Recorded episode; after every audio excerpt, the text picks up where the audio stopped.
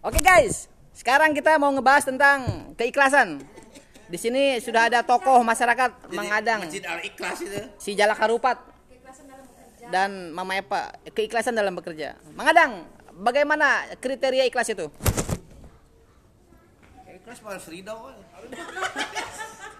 Ikhlas eta ridho. Ridho harus sabar. Oh, jadi ikhlas ridho sama sabar. Ih, Jangan kayak Pak Guru ngeluh mulu sama bini berarti nggak ikhlas kerjanya. Ciri-ciri tidak ikhlas satu, ngeluh mengadang. Ciri yang kedua apa mengadang? Tapi kalau mereka nggak dikerjain dong.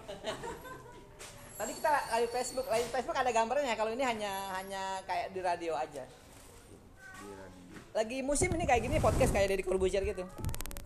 Maksudnya kita nggak ada yang jawab. Ada nanti, ada yang dengerin. Di Sumarin ya ada ya yang ngejawab itu ini. Eh, banyak-banyak alasan kan banyak orang banyak alasan. Dua malam yang lalu saya ngerekam ceramah seorang ustadz ya di acara tiga hari meninggal seseorang.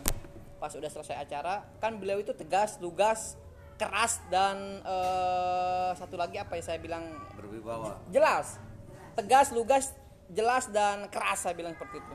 Pak Ustadz, hampurannya tadi saya rekam, eh tolong jangan disebarluaskan ya, itu cukup untuk sendiri aja. Wah siap Pak Ustadz, dia nggak mau disebarluaskan Takut. karena isinya itu sangat keras, tegas, jelas dan lugas.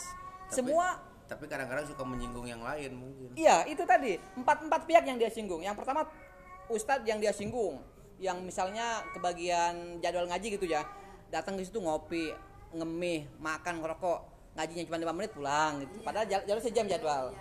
Yang kedua masyarakat juga di dikritik sama beliau. Yang ketiga, yang nyolatin itu dikritik. Anak-anak jangan nyolatin lah. Bisa bisa juga enggak pengen upload doang. Tolonglah jangan. Keras kritiknya mengadang. Kan vlognya 100 Emang ribu. nggak ada. Kalau di BTN mah nggak ada anak-anaknya. Udah nggak ada ya.